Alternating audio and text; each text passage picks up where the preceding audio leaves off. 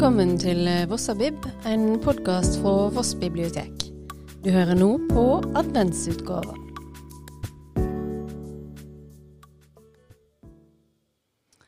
Hei, der var Teresa. I dag er det 13. desember, og den 13. utgava av um, adventskalenderen vår på biblioteket. Som eh, de fleste sikkert veit, så er 13. desember eh, Lucia-dagen. Og Lucia-dagen, da er den hellige Lucias minnedag. Ifølge legenda så lidde hun martyrdøden under kristendomsforfølgingene i Romerriket tidlig på 300-tallet. 17 år seinere så blir hun fremdeles feira som helgen i katolske land. I Norden så er feiringer blanda sammen med den norrøne Lucy-tradisjonen. Visste du at uh, i norsk folketradisjon så framstår Lussi både som vettenavn og som tidsstadfesting? Lussinatta den innleier nemlig juleperioden, og den kvinnelige vetten Lussi passer på at arbeidet var i rute til julefeiringer. Folk de har oppfatta Lussi, eller Lussi-trollet, som ei farlig kvinnevetter som var ute denne natta, og hun ble brukt for å skrømme barnet.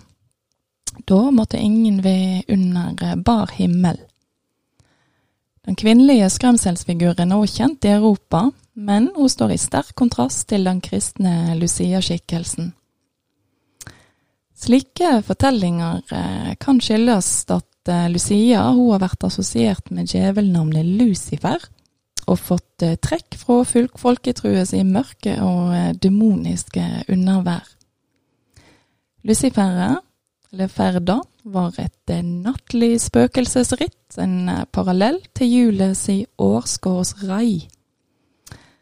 årskårsrei. Årskårsreia da var en larmende flokk av gjenferd, slåsskjemper, mordere, drukkenbolter, bedragere, løsaktige kvinner, tusser og troll, som ved juletider for gjennom lufta på ildsprutende hester, anført av Guro Rysserova, eller Rumpeguro, som òg ble kalt. Lussekattene fra gammelt av så fikk gjerne budskapen noe ekstra godt, en lussebit for å verne seg mot onde makter, den farlige lussenatta. Lussekattene er baka med safran, som symboliserer solet og lyset, og spiralformene, som er et gjennomgående tema i de ulike figurene i bakverket. De er eldgamle symbol på sol og liv. Hvis du er interessert i folketro og jul, som de sikkert har skjønt at jeg er, så har vi et godt utvalg av bøker på biblioteket som du kan fordype deg i. Vi har ei bok som heter Jul gjennom alle tider, folketro, diktning og tradisjon, av Ingrid Salin Sveberg. Den er litt, kan være litt kjekk å lese, for de som er interessert.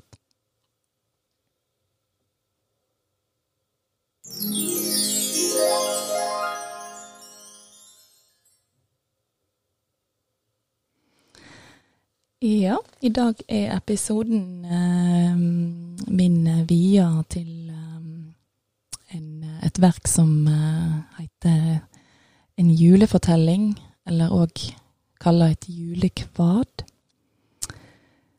Det er altså den kjente og kjære Charles Dickens, som var født 7. februar 1812, Lansport, Portsmouth i England.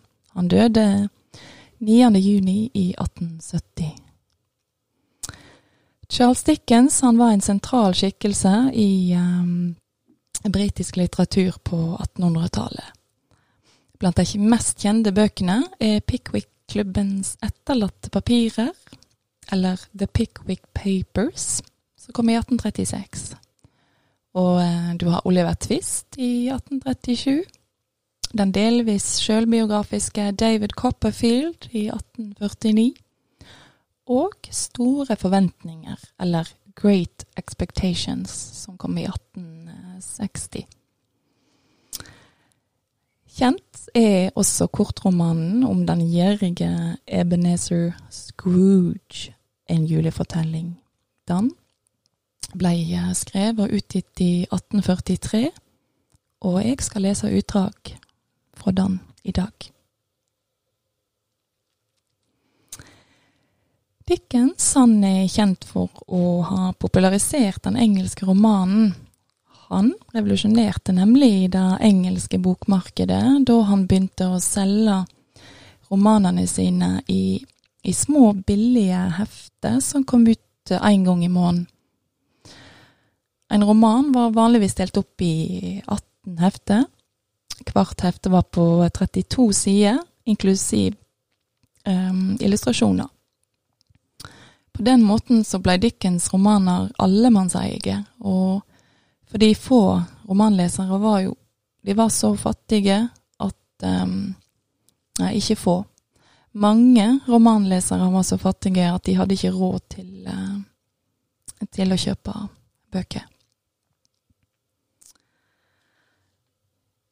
Dickens uh, sine verk har jo blitt uh, gjenstand for masse adopsjoner. Det har faktisk eh, blitt laga over 400 film- og fjernsynsversjoner av Dickens sine bøker. Han er faktisk den aller mest adapterte av alle engelske forfattere. Og i interessen den starta allerede i med første kortfilmeksperiment rundt 1900, og det er mm, mange stumfilmversjoner av han sine bøker. Siden har interesse bare vart ved i alle tiår fram til i dag.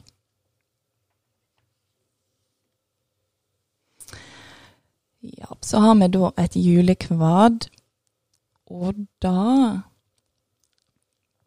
er julefortelling um, som òg heter Christmas Carol opprinnelig. Den har utallige adopsjoner, senest en HBO-serie fra 2019 med skuespillere som eh, Andy Serkins, Charlotte Riley og Guy Pearce, som ble skapt av en som heter Steven Knight. Dette er en dyster variant for de voksne. Julekvad, som jeg liker best å kalle, er fremdeles populær om han ikke har vært like mye lest lenger, så er han altså sett på TV og teater. Teateroppsetning i mange versjoner har du hatt da i Royal Albert Hall, senest i fjor, 2019. I 1844 eh, så ble julefortellingen satt opp som teaterforestilling. Edward Sterling eh, sin oppsetning var godkjent av Dickens og satt opp i London og i New York. Du har for eksempel eh, I 1901 så kom det en kort stumfilm, 'Scrooge' or 'Marily's Ghost', regissert av Walter Booth. Og det er den eldste um, filmatiseringen av fortellingen. Eller så har du over 15 filmatiseringer fra um, 39 til i dag. Og jeg kan jo nevne ja, en fra um, 1970 som heter Scrooge. Det var en kinofilm uh, og musikal. Um, og ble seinere til en teatermusikal. Um, regissert av Ronald Neam og Albert uh, Finney. Som var Ebenezer Scrooge. Og um, i 1983 så kom Mickey's Christmas Carol, som mange helt sikkert kjenner til. Det var en tegna kinofilm, og regissert av Bernie Mattinson, med onkel Skrue som uh, Ebenezer Scrooge. 1988 så kom Scrooge, en filmkomedie med Bill Murray som uh, Ebenezer Scrooge-aktig uh, Frank Cross. Og du har Muppet Christmas Carol fra 1992. Um, og det er jo disse dokkene, da. En Kinofilm med dokkene som var regissert av Brian Henson. Og der hadde du Michael Kane som Ebenezer Scrooge og Kermit som Bob Cratchit. I 99 så kom en julefortelling, 'Christmas Carol', som TV-film. Um, regissert av David Hugh Jones. Um, og Patrick Stewart som Ebenezer Scrooge. Og 2009 så kom det en animert kinofilm. Der hadde du Jim Carrey, som uh, var um, Ebenezer Scrooge. Ja Kan ikke liste opp alle. Det er jo vanvittige um, adopsjoner. I Norge så uh, omsetning uh, av Henrik Rytter kom i 1934. Og i uh, 1990, som um, jeg skal lese utdrag for i dag, i dag så var det en oversetting av Torstein Bugge Høverstad og illustrert av eh, Roberto eh, Innocenti. 2000 var det et juleeventyr Sogn og Fjordane Teater satt opp, og i 2010 så ble et juleeventyr satt opp ved Hågoland teater, regissert av eh, Ivar Tindberg. Så skal vi snakke litt om selve verket. Den utgaven som eh, jeg skal lese for i dag, er gitt eh, ut uten forkortinger og ikke omarbeid. Et nydelig eksemplar med originale illustrasjoner av den kjente Roberto Innocenti. Og inspirert av den gotiske romanen som var født på 1700-tallet, med en av de mest kjente, som eh, heter Mary Shelley, med boken Frankenstein. Jeg kan jo ellers nevne at eh, felles for de fleste gotiske romanene er vektlegging av eh, det overnaturlige, fantastiske og makabre. Framstilling av fargerik, kaotisk verden, der unntaksmennesket står i sentrum for eh, veldige, dramatiske hendinger. Personene de havner ofte inn i drøm, fantasivær og sinnssykdom, og handlingen den går ikke sjelden inn i ei fjern fortid eller fjerne himmelstrøk. Den gotiske romanen inspirerte forfattere som Emily Bronte med stormfulle høyder, og eh, Bram Stokers Dracula i tillegg til Dickens eh, sjøl. Handlinger i Et julekvad, som er tittelen på den versjonen som jeg har eh, med meg i dag, handler om den gjerrige Ebenezer Scrooge som misliker julet og sløsing av penger. Han er noe rik, men eh, han vil ikke ha at noen skal få eh, arve formuen hans. Selv om nevøen hans eh, Fred prøver å overtale ham til å like julet, så nekter han å høre. Ei julenatt får Ebenezer besøk av gjenferd etter sin avdøde partner Jacob Marley, som advarer om straffa han vil møte etter døden, og bærer ei tung lenke for hver eneste onde gjerning han har gjort i livet sitt. Og i løpet av julenatten så skal tre ånder besøke han og forandre han sånn at han kan vise hva julen egentlig betyr. Fortidas ånd viser Scrooges egne gode minner om julen, men de ble spolert av griskhet etter penger. Og nåtidas ånd viser hvem som bryr seg om julet, og hvor ille fattigdommen er. Bob Cratchit er hans billige, billige tjener som får lite i lønn. Scrooge får eh, vite at hans sønn lille Tim kommer til å dø av en sykdom. Og framtidas ånd viser Scrooge at en viktig person vil dø, og da blir ting verre og verre. Scrooge havner på kirkegården, og der ser han mannen som skal dø. Han angrer veldig, og han ønsker å like julen, for hvis han dør, så ender han opp som Marley med ekstra tunge lenker å bære på etter døden. Scrooge han bråvåkner i sitt eget hus fordi åndene ga han en ny sjanse til å bli bedre som han nytter seg av. Han blir veldig lykkelig og bestemmer seg for å gi bort penger til eh, fattige og kjente. Han feirer til og med jul med middag hjå nevøen Fred. Lille Tim vil overleve, og Scrooge dobler lønna til eh, Bob Cratchit istedenfor å gi han sparken. Alle blir lykkelige, og ikke minst Ebenezer Scrooge.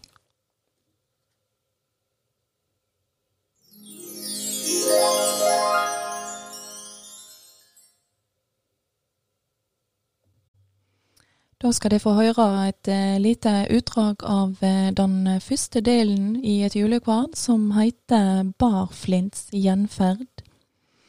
I denne utgaven fra 1990 så er um, Jacob Marley han er da oversatt til uh, Barflint. Og Ebenezer sjøl, han har fått Knug som det norske etternavnet. Når um, Knug uh, har ete julemiddagen sin på vertshuset for kvelden, så uh, går han hjem og er i dårlig humør, som han pleier. Men når han skal åpne ytterdøra, så ser han Barflints ansikt. Dørhammeren forandrer seg. Humbug, sa gamle Knug og gikk seg en tur i rommet. Etter flere rundturer satte han seg igjen. Idet han kastet hodet bakover, kom blikket hans til å falle på en bjelle som hang der, ute av bruk nå, men av en eller annen for lengst glemt grunn med forbindelse til et kammers i øverste etasje i bygningen. Til hans store forbløffelse og med en underlig, uforklarlig frykt så han nå at mens han stirret på den, begynte bjellen å bevege seg. I begynnelsen så svingte den så sakte at den knapt ga lyd fra seg, men snart klang den kraftig, og det samme gjorde hver bjelle i huset. Dette kan ha vart et uh, halvt minutt eller et minutt, men det vart, føltes som en time. Bjellene stilnet som de hadde begynt samtidig. De ble etterfulgt av en skramlende larm dypt nedenfra, som om noen slepte en tung lenke over eh, fatene i vinhandlerens kjeller. Knug mintes da å ha hørt at spøkelser i hjemsøkte hus etter sigende pleide å slepe på lenker. Kjellerdøren fløy opp med et drønn, og straks hørte han larmen langt tydeligere fra etasjen under. Og så kom den opp trappene, og så kom den rett mot hans dør. Humbug uansett, sa Knug, jeg nekter å tro det. Men ansiktsfargen hans ble en annen da larmen uten å stanse fortsatte rakt inn gjennom den tunge døren og kom inn i rommet for øynene på ham. Idet den så gjorde, for den døende flammen opp som om den ropte Han kjenner jeg, Barflins gjenferd, før den sank sammen på ny. Det samme ansiktet, nøyaktig det samme. Barflint med sin hårpisk, sin vante vest, ovnsrørbukser og støvler, og duskene på sistnevnte var like strittende som hårpisken og frakkeskjøtene og håret på hodet. Lenken han slepte på var låst fast om livet, den var lang og viklet omkring han som en hale, og den var smidd. Knug fikk studere den på kloss hold.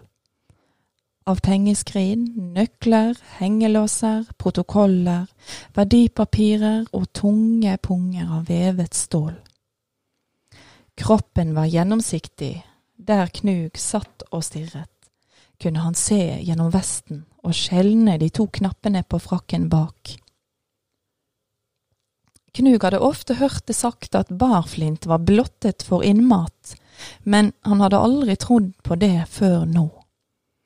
Nei, han trodde ikke det nå heller, skjønt han så dette åndesynet stå der like foran ham, og samtidig kunne se tvers gjennom det skjønt han følte dets isnende blikk så kaldt som døden, skjønt han kunne skjelve strukturen i det foldede tørkleet som omsluttet hoden og haken, et plagg han for øvrig ikke hadde sett før. Allikevel var han mistroisk, og kjempet mot sine egne sanser. Hva skal dette bety, sa Knaug, bitende og kaldt som alltid. Hva vil du med meg? Meget. Barflints røst, uten tvil. Hvem er du? Spør meg heller hvem jeg var. Ja, så hvem var du, da? sa Knug og hevet stemmen. Nøye på det er du i alle fall, skjønt du går igjen. Han hadde tenkt å si skjønt det går igjen, men ombestemte seg ettersom det første forekom han mer passende. I levende live var jeg din kompanjong, Jakob Barflint. Kan du, kan du sette deg? spurte Knug, og så tvilrådig på han. Det kan jeg. Ja, så gjør det, da, Knug stilte spørsmålet fordi han ikke var sikker på om et så gjennomsiktig spøkelse ville se seg i stand til å ta plass i en stol, og han følte på seg at dersom dette skulle vise seg umulig, kunne det gi opphav til pinlige forklaringer. Men spøkelset satte seg ned på motsatt side av peisen, som om dette var noe han gjorde av gammel vane. Du eh, tror ikke på meg, observerte spøkelset. Nei, sa Knug. Hva for eh, bevis trenger du på at jeg finnes utenfor eh, dine egne sanser? Jeg vet ikke, sa Knug. Hvorfor tviler du på hva sansene forteller deg? Fordi, sa Knug, alt mulig virker inn på dem, det minste magebesvær gjør dem til bedragere. Du kunne vært et ufordøyd kjøttstykke, en klatt sennep, en osteskorpe, en bit av en halvkokt potet.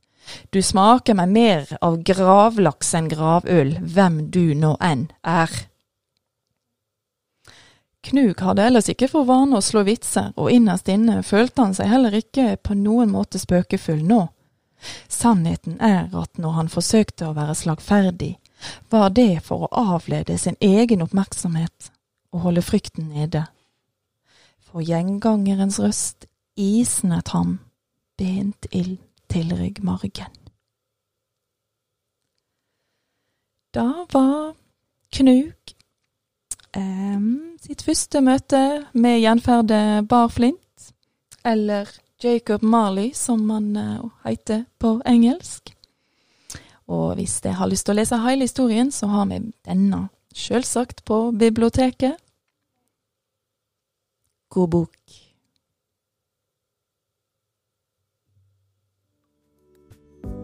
Du har nå hørt Vossabib, en podkast fra Voss bibliotek.